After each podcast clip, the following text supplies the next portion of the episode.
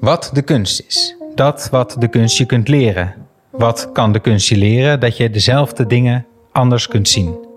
Zij ziet dit, hij ziet dat. De derde interpretatie is voor jou en de vierde ook als je hetzelfde kunstwerk jaren later nog eens ziet.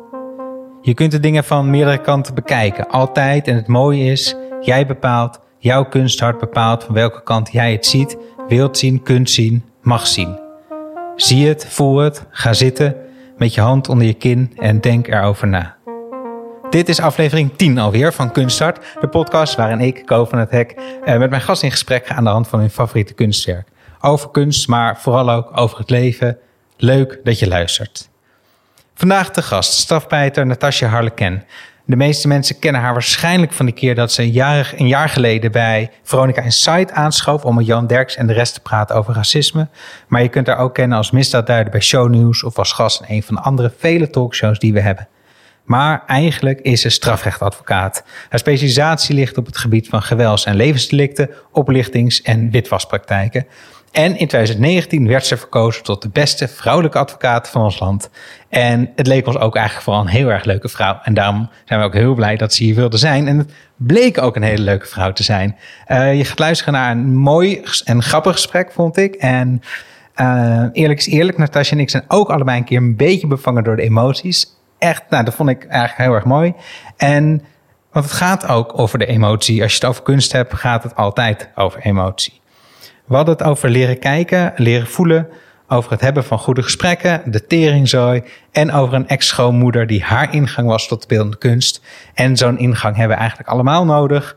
En misschien is deze podcast dat dan wel voor jou. Ik hoop het in ieder geval. Maar goed, dat gesprek met Natasja Harleken, allemaal aan de hand van haar favoriete kunstwerk, het wereldberoemde beeld De Denker van Auguste Rodin. Voordat we daarheen gaan, nog even huishoudelijk. Volg ons in je podcast-app en mis geen aflevering. Volg ons op Instagram, Kunstartpodcast. En word vriend van de show, alsjeblieft. Met een kleine bijdrage van onze luisteraars kunnen we dit programma namelijk blijven maken.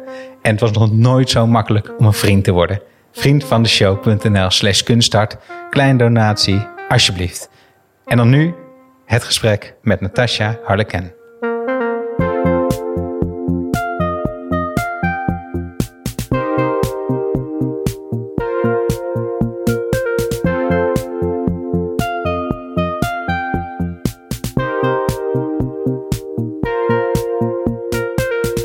Natasja Harleken, goed dat je er bent. Ja. Heel fijn dat je wilde komen. Heel leuk.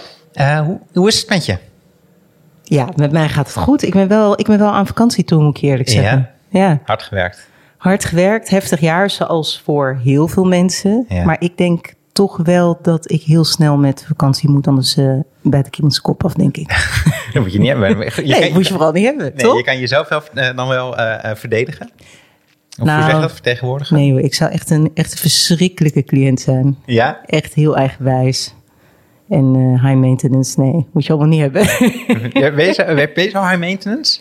Nou, als het, erop, als het om mezelf zou gaan, als het om de inhoud zou gaan. Ja, ik, ik ben echt van de details. Dus dat is echt highlighten, post-itten. Als cliënt is dat natuurlijk verschrikkelijk. Ja. Dat je van die, dat in plaats van de advocaat aan jou vertelt wat je moet doen, dat die cliënt het andersom gaat doen. En kan je dat ook wel, kan je dat, dat, dat hele, ja, dat precies op de details, kan je dat, dat is voor je werk natuurlijk heel belangrijk. Ja. En daarom ben je waarschijnlijk ook goed in wat je doet. Kan je dat ook uitzetten in, het, in, het, in je nee, echte leven? Nee, ik, ik, zie, door. ik, ik zie alles. Ik zie zelfs, uh, ja, uh, wanneer er iets verandert in de, persoonlijke, in, de, in de persoonlijke omstandigheden, bijvoorbeeld van een collega van mij, uh, dan, heb ik, dan heb ik dat al door. Ik zie echt alles. En dan is de taak dat je dat niet uitspreekt. dus dan zegt iemand: Oh, ja, ik wil even tegen je zeggen dat ik zwanger ben. Ach joh, vrouw, dat wist ik al lang. Hou je mond. Oh ja, echt? Je ziet het ja, allemaal. Ik zie alles. En, uh, maar ook als tot vervelend toe? Ja, soms wel. Want ik kijk, ja, ik, ik kijk gewoon, mijn, mijn blik is zoomt in op details. Mm -hmm. Dus ook als ik een filmpje kijk waar iedereen kijkt. Nou, ik geef, ik geef een voorbeeld. Gisteren keek ik bijvoorbeeld naar een filmpje van Brit, Britney Spears. Ik moest de shownews daar iets over juridisch over duiden. En dan ging het weer. Weet je, zat een filmpje met de borsten en, en gedoe had ze gepost. En is het nou verstandig, want ze zou geestelijk ziek zijn. Mhm. Mm -hmm. Maar ik kijk dan naar dat beeld. Dan denk ik, ja, die borsten die heb ik zelf ook. Ik kijk naar heel iets anders. Ik kijk naar de omgevingsfactoren. Nou, als je daarop inzoomt, dan wordt het een heel ander verhaal. En wat zie je dan? Nou, dan zie ik dat, daar, dat ze in een park loopt. Dan zie ik dat van bovenaf gefilmd is. Dan denk ik, ja, doet ze dat zelf? Doet ze dat niet zelf? Dan denk ik, wat ligt daar op de grond overigens? Is dat, nee, dat is geen BH. Nou, waarschijnlijk heeft ze dat niet nodig. Want ze heeft misschien, eh, ik weet niet wat voor borsten ze heeft. Maar in ieder geval, of is het de onderbroek? Wat, wat zie ik daar nou eigenlijk liggen? En dan denk ik, ja, dan loop je door het park en dan denk je, goh, laat ik een dansje doen uh, in mijn blote borsten. Terwijl je in een juridische procedure zit. En dan denk ik, oh, die advocaat, hoe moet hij, dit, hoe moet hij hier nou weer mee omgaan? Dus er gaat een heel, hele wereld gaat er dan voor mij open. En die trekt ook aan mij voorbij. Maar zij willen gewoon eigenlijk gewoon van jou weten wat je van die borsten vindt. In zo'n programma. ja, maar dan zeg ik, ja, die borsten vind ik niet interessant. Nee. nee oh, oké. Ja. Ja. Ik had dan toch ook een vraag, want je, je begint nu zelf over shownieuws. Je schrijft af en toe aan als, als misdaaddeskundige, denk ik ongeveer dat dat de titel is. Maar is dat niet ergens raar dat, dat misdaad een plek heeft in een programma dat shownieuws heet? Dat over showbusiness gaat? Ja, dat, zou, ja dat zou je denken. Ehm, het is zo, en dat weten niet heel veel mensen, dat ehm, de redacties van shownieuws, um, nou ja, dat is zoals ik het dan begrijp, want ik zit er pas een jaar bij, is toch wel ietsje veranderd dan de afgelopen jaren. Het bestaat uit twee teams. Dus één crime en één shownieuwsredactie. En de redactieleden die ze aantrekken, ja, die komen gewoon allemaal van andere programma's. Zo ook bijvoorbeeld van de, uh, van de publieke. Mhm. En dat weten een heleboel mensen niet. Dus daar zitten gewoon echt wel mensen, bijvoorbeeld uh, bij, bij Shownews, bij Crime zit uh, een collega van mij en van ons, uh, genaamd Marcel. Ja, dat is gewoon iemand met een heel goede staat uh, van dienst. En dat zie je ook in hoe die in de WOP-verzoeken en uh, naar alles wat er gedaan wordt. Dat weten niet heel veel mensen. Dan is jouw vraag, wat doet crime binnen shownews? Ja, ja er zijn heel veel BN'ers die iets met crime te maken hebben de afgelopen jaren. En dat neemt toch wel steeds meer toe. Of tegen het randje aanschurken van criminaliteit of zich daar, daarmee bezighouden. Dus steeds meer merkten ze, ja, we moeten hier iets over zeggen ja, dan moeten we maar een, een, een strafpleiter invliegen uh, om dat beter te duiden. Want dat kunnen wij niet zelf. Ja, ja precies. Maar, maar dan gaat het dus eigenlijk vooral over de, dan de, uh, de, de juridische problemen die BN'ers hebben. Maar het gaat natuurlijk ook heel vaak gewoon over uh, misdaad als een soort. Hè, gewoon weet ik de, grote, de grote misdaden of de grote processen, de, de, de mediaprocessen. Nou, daar, daar maken ze, proberen ze wel een onderscheid in te maken. Uh, voor mij geldt sowieso dat nou, ik, ik sta cliënten bij in die heel grote processen. Um, mijn regel is tot op heden dat ik niet makkelijk en niet graag praten over mijn eigen zaken. Nee, dat is logisch. Dus dat, nou, voor anderen niet, maar voor mij in ieder geval wel, ja. Uh, dus dat doe ik niet. Dan zit er een andere advocaat of een andere jurist. En wat wel zo is, is dat je ziet dat, ja, je kan wel één of twee keer doorpakken met zo'n bijvoorbeeld heel grote zaak. Maar hoe lang blijft dat nog interessant? Want de gewone burger, die snapt daar helemaal niks meer van. Mhm. Dat realiseren we ons wel. Dus we pakken wel echt ook een zaak waarvan de kijker op de bank denkt voordat hij gaat slapen hey, daar heb ik zelf nog iets aan. Bijvoorbeeld, ik noem maar iets, WhatsApp-fraude. Mm -hmm, Er zijn veel BN'ers die er last van hebben. Of uh, diefstal met geweld door alles wat ze op social media plaatsen. Ja, daar heeft Jan-Pieter Klaas in de straat, die hebben daar ook last van. Ja. Dus je probeert iets te pakken of iets aan te snijden dat iedereen toch wel raakt. En we zien ook wel dat dat, uh, ja, dat, dat aansluit. Ja, ja, ja, ja ik, ik hoor het je zeggen, maar ik, wil, ik ben eigenlijk gewoon eigenlijk toch benieuwd naar iets anders. Ja. Uh, is, dat, is dat dat crime een soort entertainment ook is voor veel mensen. Voor, uh, ja, ik snap Je hebt, je hebt natuurlijk gewoon sowieso de, de, hoe zeg je dat, die series die... Een Making a Murderer-achtige dingen. Hoe dit, ik weet niet ja. die naam kwijt, hoe dat heet. Um, maar ik vind dat, ja, ik, ik, denk, ik kijk altijd naar. Ik denk, hoezo is dit, dit is gewoon toch, dit is heel erg. Dit is toch geen entertainment? Nee, maar het, het, als, je, als je het kijkt, dan zie je ook um, dat, dat als wij er zitten, zowel uh, Bram als ik of een andere misdaadjournalist, uh, of tenminste een misdaadjournalist, want ben ik niet, um, dan zie je ook wel dat de serieuze kant, dat dat heel duidelijk wordt benoemd. Het zal op geen enkel moment zo zijn dat ik daar zit en dat ik zeg van jongens, dit is zo enorm uh, spannend of wat dan ook. Um, dat is juist wat ik, dat is ook de reden dat ik daar zit om mensen wel aan te geven. Ten eerste wil ik duiden, aan de andere kant wil ik ook aangeven. Mocht je denken dat dit heel erg uh, spannend en uh, hip en vooral samenhangt met heel veel geld, nou, dat is in ieder geval niet zoals ik het ervaar. Het is gewoon keihard werken en het is ook heel triest voor alle partijen. Uh, en dat weet ik als geen ander, want in januari doe ik dit 20 jaar. Dus dat, dat maakt wel dat je toch wel ook echt aangeeft en dat je soms ook een invalshoek kan geven. Dat je zegt van nou, zo is het in de praktijk, jullie zien dit, maar hm. dit speelt er ook achter, achter de schermen. Ja, heel goed. Laten we het over kunst hebben, want daarvoor ben je hier. Ja. Um, We hebben jou gevraagd wat je favoriete kunstwerk is. Vragen we aan iedereen. En jij kwam met uh, uh, De Denker van Rodin. Ja. Um, voordat we het daarover gaan hebben, gaan we eerst luisteren naar Emma Waslander. Zij neemt ons in twee minuten even mee door het leven van Rodin. Yes, weer een kunstenaar met een goede baard. Een mooi wit-grijs exemplaar van zeker 20 centimeter lang. En deze baard behoort tot Auguste Rodin, die met zijn ernstige blik niet alleen zijn gezichtsbeharing goed verzorgde, maar ook druk bezig was met het maken van sculpturen. De in 1840 geboren Fransman bracht een armoedige jeugd door in Parijs, waarna hij later terecht kon op de kunstschool. Het liefst wilde hij nog doorstuderen, maar zijn ontwerpen vielen niet echt in de smaak van de toelatingscommissies. Hij maakte volgens hen veel te vrijpostig werk. Maar Rodin gaf niet op. Hij bleef doorwerken tot hij eindelijk in 1880 zijn eerste bestelling kreeg. Een beeldengroep waar de beroemde De Denker en de Kust deel van uitmaken. Hij gebruikte de natuur als inspiratiebron om zijn werk er levendiger uit te laten zien. Onregelmatigheid op zijn beelden geven een schittering in het licht, waardoor alles heel bewegelijk lijkt. Hoe schilders van het impressionisme hun werk samenstelden uit kleur- en lichtvlekken, zo moesten de beelden van Rodin opgebouwd zijn uit klei en brons. Het maakproces moest zichtbaar worden, waardoor het lijkt of sommige beelden nog niet af zijn. Op 17 november 1917 overleed Auguste Rodin op 77-jarige leeftijd, maar zijn wereldberoemde beelden zijn overal ter wereld nog te zien. Zo werd er in 2007 uit de museumtuin van het Singermuseum in Laren een afgietsel van de denker gestolen. Agressief van zijn sokkel getrokken met een touw en weggesleept om de trekhaak van een auto.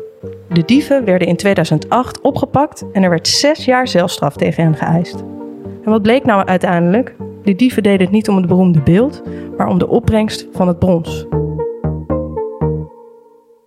Ja.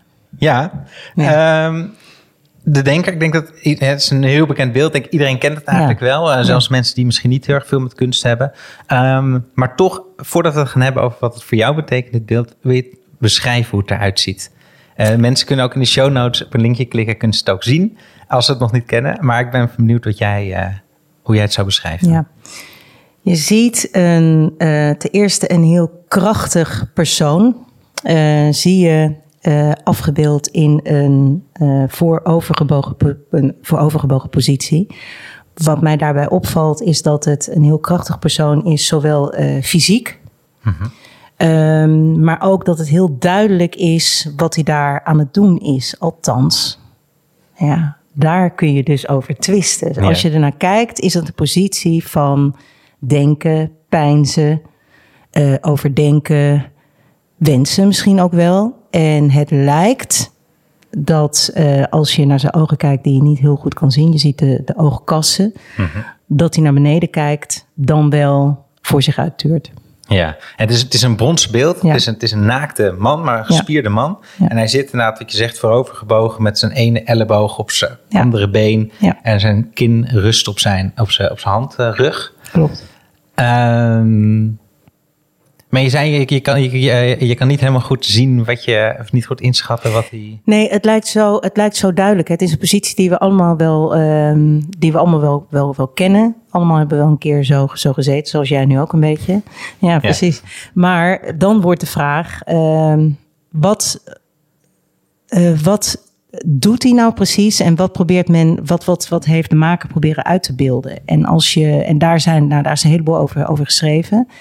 En wat ik zo mooi vond toen ik er uh, voor stond uh, in Parijs, dacht ik van ja, ik laat het gewoon open. Hm. Ik vond ook heel mooi dat het uh, beeld zo, ja, ik noem het even mijn eigen woorden, zo oneffen is. Het is zo puur, het is zo ja. rauw. Het is ja, dus met heel is... veel relief.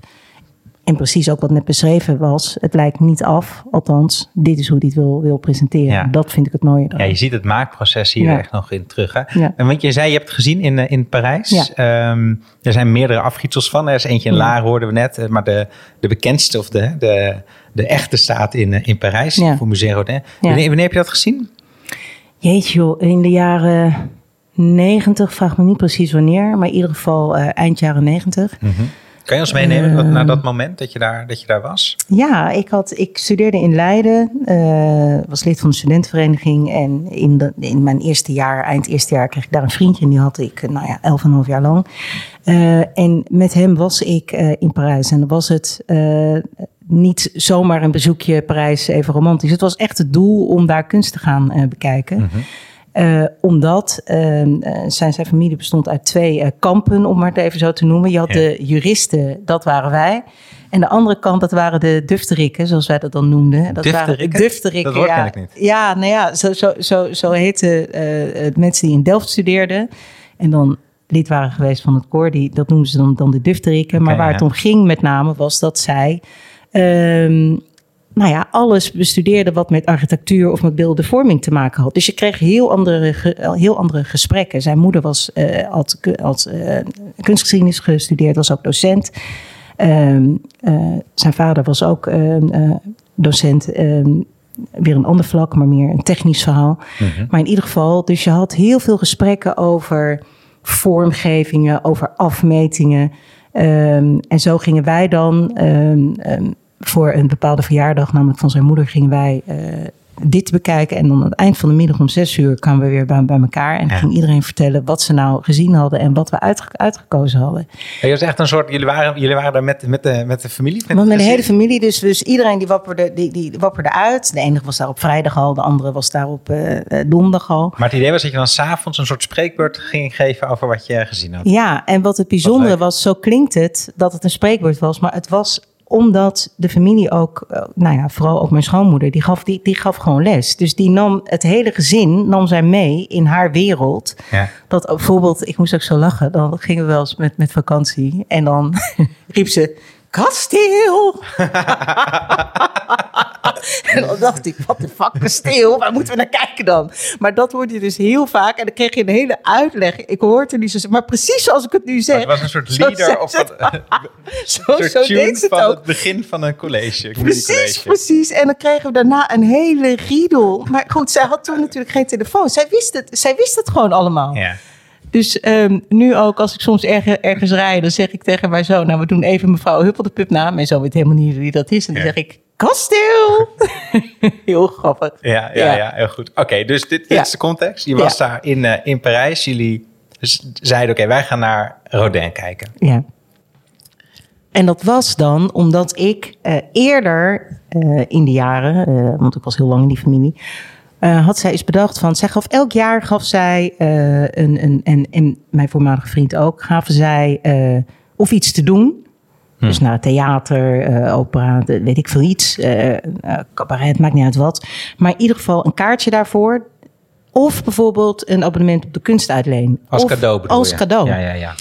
En nu was het zo dat ze zei van ja, ik geef jou een trip met mij.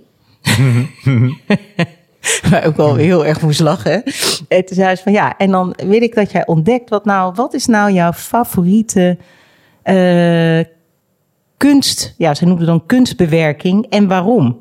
En dat kan dan alles zijn, maar loop dat nou eens af. Ga nou eens echt kijken, wat raakt je nou echt en waarom? Nou, en toen Ja. kwam ik dus uit op eh, beeldhouwwerken omdat ik het ehm prachtig grond vond, ja, dat past wel echt bij mij, om van verschillende kanten iets te kunnen zien. Oh, dus, En jij vindt, dus jij vindt, jij vindt beeldhouwkunst echt, dat trekt jou veel meer dan schilderkunst. Ja, Oh, wat grappig. ja, ja. En heb je iets met schilderkunst? Of vind je dat is, Ja, ook. Maar, Ook heel erg. Maar beeldhouwkunst, dat, dat, daar, daar, daar, ga je, daar gaat je hart sneller van kloppen. Ja, bijvoorbeeld dit, eh, dit werk. Hè, wij, wij- je houdt nu een plaatje voor en eh, ik zie hem nu van de zijkant. Maar als je aan de voorkant het bekijkt, dan kan je heel erg inzoomen op zijn oogkassen. Wat zie je nou wel, wat zie je nou niet? Dan heb je ook nog de achterkant. Ja, het is, het is gewoon prachtig. Is dat dan toch ook misschien dat, toch dat gedetailleerde kijken, wat je zo Ja. fijn vindt, dat je het van zoveel verschillende kanten kan bekijken? Ja, en ook wel dat ik denk, nou, ik, ik bepaal zelf wel van welke kant ik dit nu ga bekijken. Van mijn part eh, wil ik het van, van bovenaf zien. Jij komt mij niet vertellen van welke kant ik het moet, moet bekijken. Dus dat eigenwijze zit daar ook in. Ja, een schilder die, die,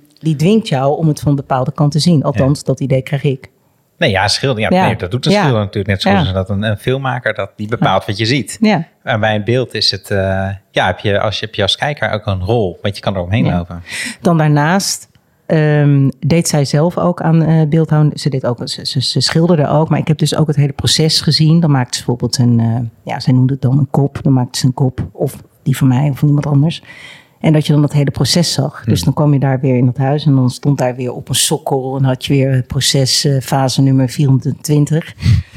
daar een heel verhaal over. Ja. Maar het was echt, echt heel leuk en ook heel bijzonder om zo iemand nou ja, te hebben ontmoet in mijn leven, dat je dat uh, meekrijgt. Ja. Want mijn gezin was heel, was heel anders. Ja, dat wil ik nou het vragen. Want het zegt, zij heeft jou echt in die kunst, eh, naar die Ja. kunst toe verleid. Dat kun je Ja. niet van huis uit. Nee, dat was meer. eh, mijn, mijn familie waren meer bezig met. eh, mijn moeder was eh, kunstgeschiedenis, of sorry, geschiedenisdocent.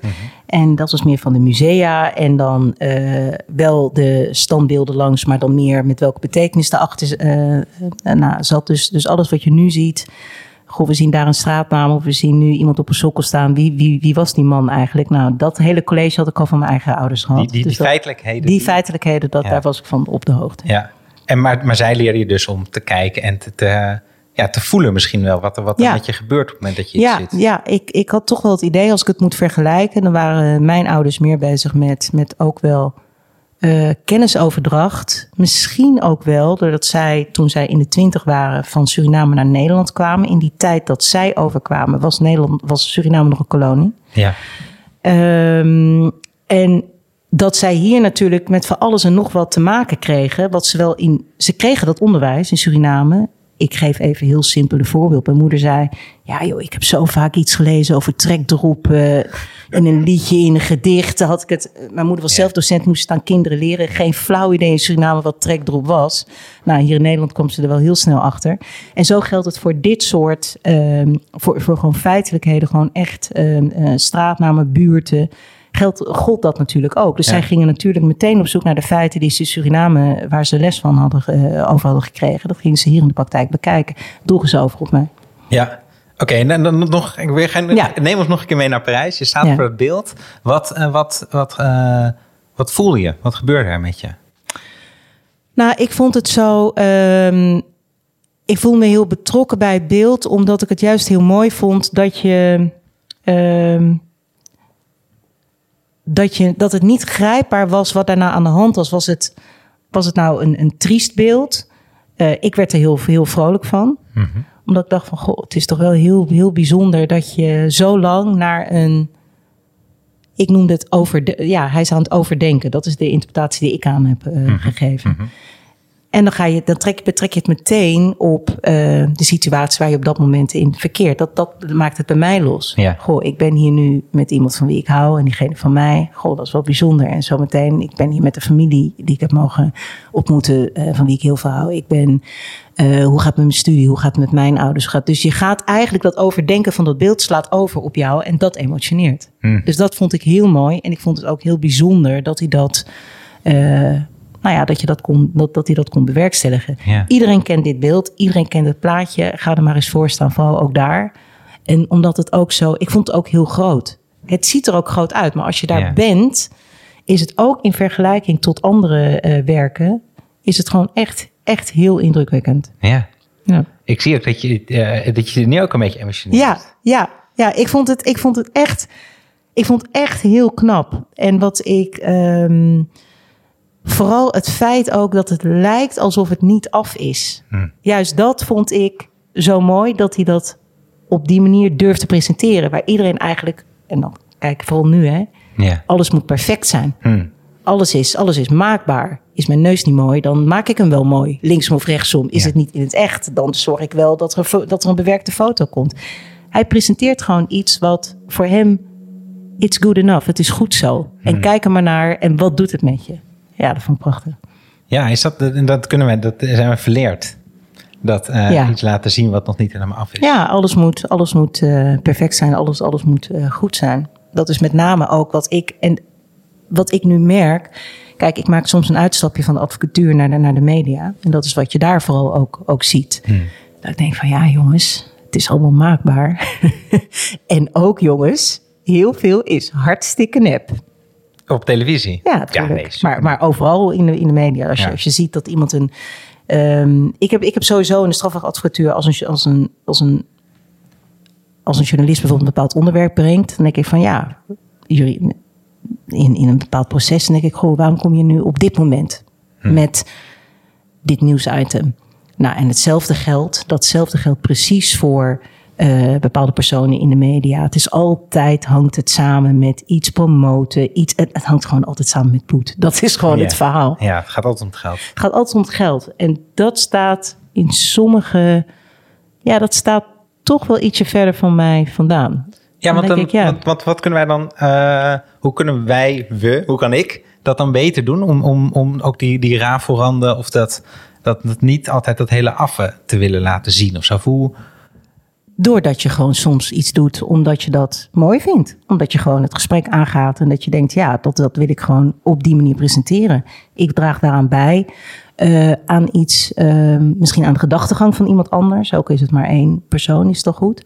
Maar het kan ook zijn dat je daar zelf een leuke ervaring uit, eh, nou ja, dat, dat, dat je daar zelf een leuk moment uit eh, put. En is dat het cadeau van, van de dag. ja, Ook ja. in mijn werk, dat weten heel veel mensen niet, maar er zijn heel veel strafpleiters die echt wel op een dag eh, een gratis advies geven. Dat weet helemaal niemand, maar zo is het Hoe natuurlijk wil wel. je gratis advies geven? Ja, weet je, als ik voor alles, alles wat ik zeg of elk advies dat ik geef, als ik daar een, als ik daar een factuur voor moet sturen, dan wordt mijn werk wel heel eh factuurderig. Ja, ja, ja. Ja, zo, zo zit de wereld natuurlijk niet in elkaar. Nee. En de wereld, maar en de wereld heeft veel meer rafelranden, is veel on, onaffer dan je misschien op, dan je op tv of op social media ziet. Ja. Toch, dat is ook wat je volgens mij raakt in zo'n beeld. Wat, wat mij hier raakte is, ehm, we hadden in mijn eh, studententijd het eerste jaar had je een vak en dat vak heette inleiding. En dat heette dan inleiding in het recht. Ja.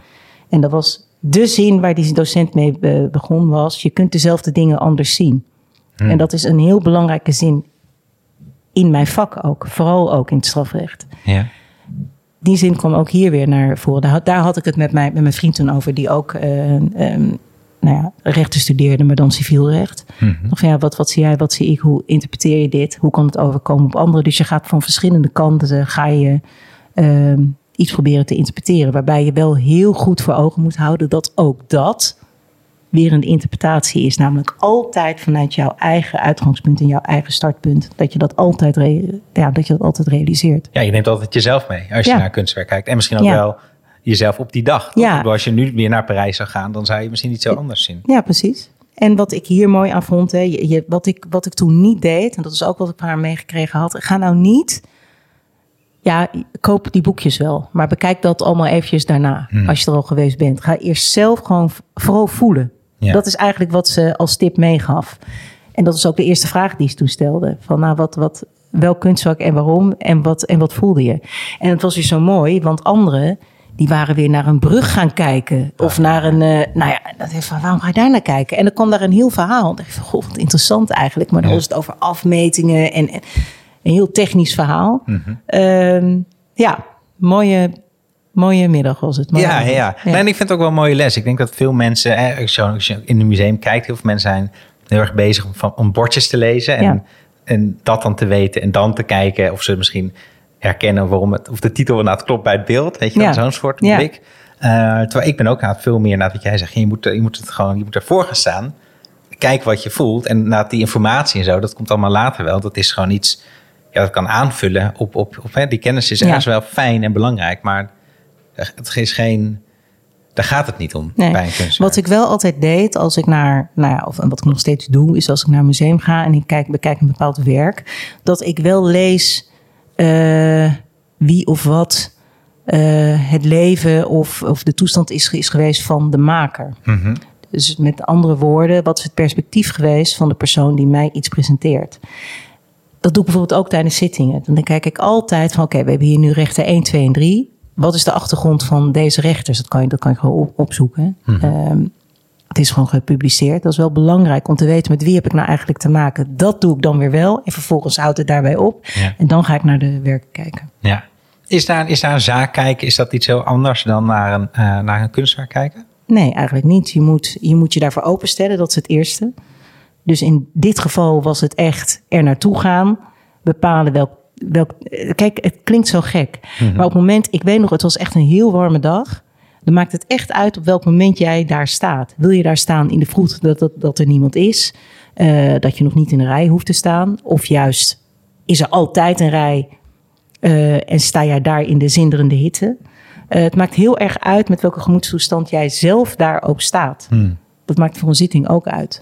Op het moment dat jij eh, moe bent en je moet een zaak voorbereiden, wordt het een heel ander verhaal dan dat je uitgeslapen bent en met, je, met een frisse blik de wereld bekijkt. Op het moment dat je te geëmotioneerd bent om naar een zaak te kijken, wat soms kan, dan is dat het moment om even iets anders te gaan doen. Is het niet het moment om door te pakken Want die emoties die vertroebelen je blik. In ja, maar die, zijn, maar die zijn wel goed toch erg, denk ik, als je aan de zaak begint. Ik bedoel, uiteindelijk gaat het om de details en de feiten. En de, Ja. de, de, nou goed, je, je, bent, eh, je hebt een, een klus te klaren in die Ja. zin als advocaat. Maar het zijn ook, ik bedoel, het gaat ook over mensen. Ja, maar in dit geval is wat hier anders aan is, is dat als ik naar een kunstwerk ga, ga kijken, is dat voor mezelf en Hmm. laat ik mijn emoties toe. Op het moment dat ik een cliënt vertegenwoordig, is dat mijn taak. Het vertegenwoordigen van iemand anders, dat moet van we beginnen bij nul, want het moet bij tien eindigen. Ehm, en dat moet, dan moet je ook, die spanningsboog moet ook constant moet die er zijn. En je moet ook constant die focus hebben. En die focus is dus niet, het gaat niet om jou. Het gaat om die cliënt en het afdoen van die zaak op een bepaalde manier. Op een manier dat het in het belang van die cliënt is. Dus daar moet je op een gegeven moment je emoties terzijde schuiven. Of juist kenbaar maken aan die cliënt. En dan ontstaat er een verhit, verhit gesprek. En die parkeer je dan weer eh, als dat kan. Of je spreekt hem helemaal uit. Want soms moet je hem gewoon aangaan, die confrontatie. En vanuit daar verder. Ja, ja. Ja. Ik, eh, je, je begon net al even over, over beelden en straatnamen. En je hebt je natuurlijk heel erg gemengd in het racisme-debat bij Black Lives Matter. Ik ben bij eh, Johan Derks aan tafel gaan zitten om met hem het gesprek aan te gaan. Ehm, hoe kijk jij naar die discussie over de, de, de, de, ja, de beelden die nu eh, en de straatnamen die nu ter discussie staan? Omdat, eh, omdat de mensen die eh, die naam hebben gedragen niet een heel fraai, en zeg, dat is echt een eufemisme, leven Ja. hebben gehad. Ja. Ik ben ervoor dat de straatnamen blijven zoals ze zijn en dat er een nadere uitleg bij komt. Omdat ik heel goed weet dat, zoals ik opgevoed ben, dat je meteen de uitleg erbij krijgt. Doordat mijn moeder een geschiedkundige achtergrond had. Die had niet iedereen. Ik durf echt te zeggen dat eh, een heleboel eh, mensen van kleur, maar überhaupt de gemiddelde Nederlander, als je zou vragen van nou, we noemen even een naam en wat is dan, de, wat, wat, waar had het mee te maken, denk je?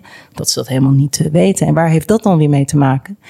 Dat het gewoon niet werd onderwezen vroeger. Ik heb toevallig twee jaar les van mijn moeder gehad. En mijn moeder die had een eigen boekje gemaakt. Ehm, van nou, we gaan even de koloniën af. En dan had ze echt als titel. Eh, wat doen de Turken hier? Kunnen die terug? Wat, kunnen, wat doen de Surinamers hier? Kunnen die terug? En zo ging ze af. Gewoon heel concreet. Als kind vond ik dat heel, heel begrijpelijk. We waren echt wel jong. En ook nu krijg ik nog ehm, eh, berichten over mijn moeder van, van mensen in het land. Die dan denken van, hé, hey, die naam, Mavis was haar moeder. Eh, en die gaf le- les in het Westland. En zeiden ze, ja, dat klopt, dat deed zij, ja. Dus gewoon heel, gewoon echt wat een kind denkt van, ja, wat doet hij hier? Kan die ook weer terug? Of hoe zit het? En eh, eh, moet hij, moet, nou, enzovoort. Dat gewoon benoemen. En zo ook, als het dus op straatnamen of wat dan ook aankwam, eh, dat heel duidelijk benoemen. Eigenlijk wat je nu pas bespreekbaar wordt. Bijvoorbeeld het verhaal van de Molukkers. Hoe verhoudt zich dat tot andere mensen in Nederland die destijds overkwamen? Dan zeg van ja, dat, dat is iets wat mijn moeder gewoon al benoemde. Dus het is Ja. juist goed om die uitleg. Ja, en dus om die, om die kinderlijke vragen ook te durven stellen of zo misschien. Ja, en ook gewoon die ook toe te staan. Om Ja. dus ook te zeggen, ja, dat mag jij, die vraag mag jij gewoon eh, stellen. Hm. Want dat is wat mensen denken. Ja, Ja. ja, ja. ja. En is dat, is dat voor, geldt dat voor kunst ook? Zijn, moeten, moeten we meer kinderlijk, als kinderen naar een kijken of kinderlijke vragen stellen? Nou ja, op, op het moment dat, ehm, dat, bepaalde, ja, dat, dat, bepaalde werken ter discussie staan, misschien wel, ja. Ehm, want wat je nu steeds meer krijgt, is dat je een, er wordt een werk aangewezen en dan moet dat werk of weg of terug of er moet een andere naam. Maar ja, heel eerlijk gezegd, dan kunnen we wel heel veel weghalen en eh, dan blijft er wellicht niet zo heel veel over. Want ja, Nederland was een land dat ehm, ja, bepaalde koloniën eh, onder zich had. Zo je, weet je, eh, niet was dat- je het. weet, jou, jou iets anders zeggen. Ja, nou ja, Nederland eh, eh, heeft zich natuurlijk niet al te best gedragen. Dus wat dat betreft ehm, is dat hoe het is. En dat is de geschiedenis die we samen hebben. Mhm. Ja, punt. Dus dan moet je ook accepteren in plaats van proberen dat... eh, Ja, en het punt is ook dat je het ook samen moet eh, doen. En het heeft er ook mee te maken dat je voor een werk zou moeten kunnen staan met elkaar. Zonder dat de een zich helemaal aan relax voelt. En moet denken, ja, wat, wat kan ik eraan doen? Ja, jij kan er ook niks aan doen. Maar dat is onze geschiedenis. Laten we het er vooral over hebben. Maar wat mij nu opvalt in deze tijd is dat, geloof ik, het er samen over hebben, wordt als het meest polariserende van de hele, van de hele wereld gezien. Ja, hoe komt dat? Ja, omdat men dat eng vindt, denk ik. Terwijl ehm, confronterende gesprekken heb ik de hele dag. Dus Hmm. ik denk, ja, net zoals met Dirks. Ik denk, ja jongens, wat is eigenlijk aan de hand? Ik heb een, ik heb een gesprek gevoerd met een voor mij onbekende meneer. Ja, dat heb ik wel vaker over een onderwerp wat best wel heftig is. Ja, ook dat heb ik wel vaker Ja. in een week. Ja. Dus voor mij was dat niet zo. En dat, voor mij was dat niet zo ja, bijzonder of, of heftig. Nee, het was voor, voor, de, voor de buitenwereld een veel bigger deal dan voor jezelf. Dat Ja, was- maar ook als je tot op de dag van vandaag, als je het bekijkt, wanneer heb je nou nog een keer zo'n gesprek gezien? Ja, gewoon niet. Hmm. En dat vind ik toch wel vrij, vrij uitzonderlijk. Uitzonderlijk of ook? Nou, weet je, ik denk, ik, ik denk wel dat het, dat het aan de orde zou moeten kunnen zijn om gewoon zo'n, ja, dit soort gesprekken te kunnen voeren. Zonder dat dat eh, bedreigend is voor mensen of zonder dat men meteen denkt van, oh jee, ik krijg de hele wereld over, over me heen. Want dat is wat er nu natuurlijk speelt. Iedereen denkt van, ja, ik wil wel iets doen, maar wat? Mhm. Ik kan me ook, ook voorstellen dat bepaalde om, omroepen daarmee, eh, eh, nou ja, kampen. Ja, ja, ja, ja. Ingewikkeld. ja. En als je nu, eh, je gaat, pak nu de trein naar Parijs. Je staat weer voor de denker. Wat zou je vandaag, wat zou je vandaag zien? Nou, heel eerlijk, één grote teringzooi vind ik het. Ja? ja, ja, en het spijt me dat ik dat zeg, maar dat vind, ja, dat vind, dat vind ik echt. Wat een zootje. Ehm, ja, mensen durven zich gewoon niet uit te spreken. Mensen worden ook eh, gewoon letterlijk om het leven gebracht. Ehm, om een huidskleur, om een mening. Ehm, ja, ik vind het wel een heel triest, triest beeld. Dus ik denk dat als ik dit beeld Ja. nu zou zien, ik weet niet of ik er dan nog vrolijk zou eh, staan. Kijk, als ik er nu, je zegt, ik, Maar ik vind dat toch wel, je, Ja. bent, je, bent, komt heel vrolijk en monter over. En Ja. vervolgens komt er ineens, voor mij redelijk onverwacht, eh, dat het een grote teringzooi is. Komt, Ja. komt ineens voorbij. Nou, als je nu, nu bedenkt, wie spreekt er nou echt met elkaar? Of wie luistert er nou echt naar elkaar? Ja, dat zijn echt maar heel weinig mensen. Als je kijkt naar het politieke landschap, zoals dat nu dan, dan geloof ik heet. Ja, nou ja, de helft kan zich iets niet, niet herinneren of heeft iets niet op die manier gezegd. Nou ja, dat parkeren we maar even, want er moet, eh, we moeten geregeerd worden. Nou, dat is dat, dat, dat ligt nog stil. Vervolgens kijk je in de media, ligt iedereen met elkaar toch wel overhoop. Want men weet gewoon niet goed welke kant ze uit moeten. Men, hebben daar, men heeft allerlei talent in de, op de redacties aanwezig. Ja, ik zou zeggen, heel ingewikkeld is het niet. Geef die mensen een plek, vooral heel snel als, mij, als het aan mij ligt. En ik vind het ook wel gewoon ook tijd dat de jonge generatie in, instapt. Hmm. Ehm, ja, en dat alles bij elkaar. eh, Nou, neem nou een voorbeeld. Ik zat, ik zat, ik zat laatst naar, bij de NOS naar een eh, item te kijken van de Olympische Spelen. En daar zit dan iemand, eh, nou, ze heet Mai. En ze zat daar om te spreken over Tokio. Nou, dan heeft Ja. zij ook die achtergrond. Maar zij is een half, ik heb het ook gezien, zij is een half Japanse. ja, eh, nou, zij werkt bij BNNVARA. ja. Ja, ik vind haar echt, ik vind haar echt, een, echt een talent. Ik heb haar, ik heb haar meegemaakt. We gingen op, op, op locatie iets, iets doen. Nou, ik snap niet waarom Mai daar eigenlijk aan de, aan de, aan de tafel zit om te spreken over Tokio. Ja, ik snap dat wel. eh, omdat het haar achtergrond is. Maar Mai kan een programma krijgen wat mij betreft. En dat is niet omdat ik vriend, vriendinnetjes ben met Mai, want dat ben ik namelijk niet. Maar ik heb dat zelf meegemaakt. Denk ik, jongens, eh, kom op. En waarom Dat heeft dat soort- dan niet, denk je? We- weet ik Oh, niet. dat weet je niet. Nee, weet, weet ik niet. Kijk, en als je het erover hebt van mensen die zich gewoon durven uit te spreken. en dat het ook nog verbindend is en dat het begrijpelijk is. Nou, dan is zij bijvoorbeeld een voorbeeld, maar zo zijn er veel meer mensen. Ja.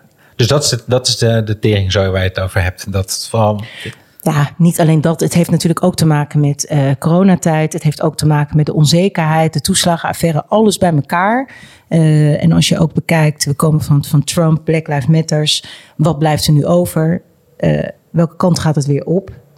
Economisch gezien, als je het hebt over coronamaatregelen, alles bij elkaar, vind ik het, vind ik het echt een, ja, vind ik het gewoon echt een zootje. Juridisch gezien, als je kijkt naar mijn werk, nou ja, we hebben de af- afgelopen we- weken mee- meegemaakt. ja. Dan is het hele land eh, van slag. Maar dit is natuurlijk iets ehm, wat, door de ja, wat, wat, wat wij al langer zien. Deze ehm, tendens. Niet de tendens om mensen om te brengen. Nee, want even voor de, voor de luisteraars, dit Ja. nemen tien, tien dagen na het overlijden van Peter Ja, Vries. dit precies. op. Neem dit op. Maar wat wij gewoon zien, dat zijn de bezuinigingen in de rechtspraak. Nou ja, en daar ehm, hebben we nu allemaal mee te maken. En dan wordt de vraag welke kant het eh, uitgaat. Dus alles bij Maar het is elkaar. wat somber. Nou ja, ja. En dat heeft er misschien wel mee te maken omdat ik daar midden, middenin zit. Hmm. Hmm. Dus ik ook dingen zie die anderen niet zien. Dus je- ja, je kan het somber noemen. Het kan ook realistisch zijn. En ik denk dat het laatste is. Ja. Komt het dan goed? Ja, ja. Ja, maar mensen moeten wel echt keuzes maken. Hmm. En wat mij betreft mag dat wel snel. Ja, Ja. snel keuzes maken. Nou, laten we dat gaan doen. Exact. Heel fijn dat je hier wilde zijn. Dankjewel.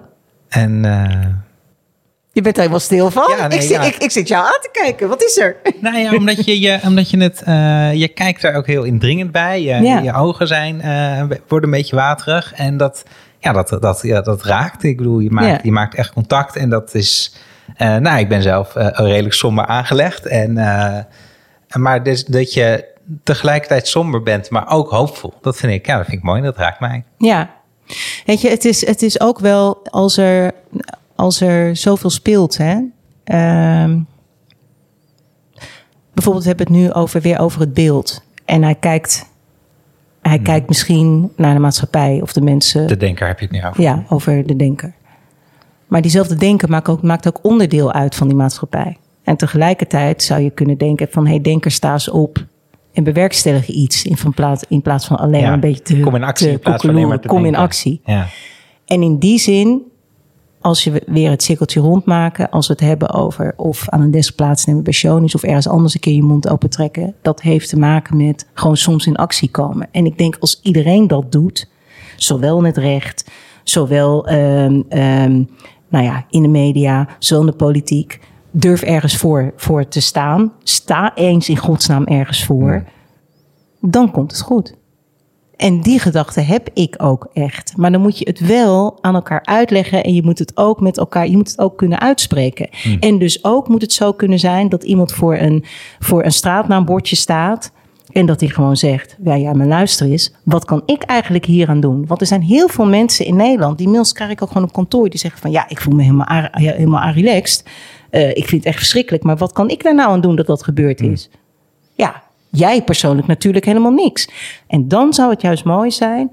Weet je, wat nou gewoon een topidee zou zijn voor een programma? Nou, dat, je gewoon. Mhm. nou, dat je gewoon langs die straatnaambordjes gaat. Met Pietje die vindt dat hij er niks aan, aan, kan doen. En bij wijze van spreken denkt, waar hebben we het over? Mhm. Ehm, en dat iemand daarnaast staat die zegt, ja, ik heb hier heel veel verdriet van. En dat je zo een beetje leurend door heel, heel Nederland gewoon wat bordjes afgaat. Nou, Lijkt het mij heel, heel het interessant, heel simpel. Ja. Gratis en voor niks, deze. Yes. Eh, alleen omdat het te veel gedoe is om de factuur te sturen. Precies, precies, precies. Heel goed. Nee, heel erg dankjewel. Alsjeblieft. De Denker van Auguste Rodin, het origineel, is te zien in Musée Rodin in Parijs.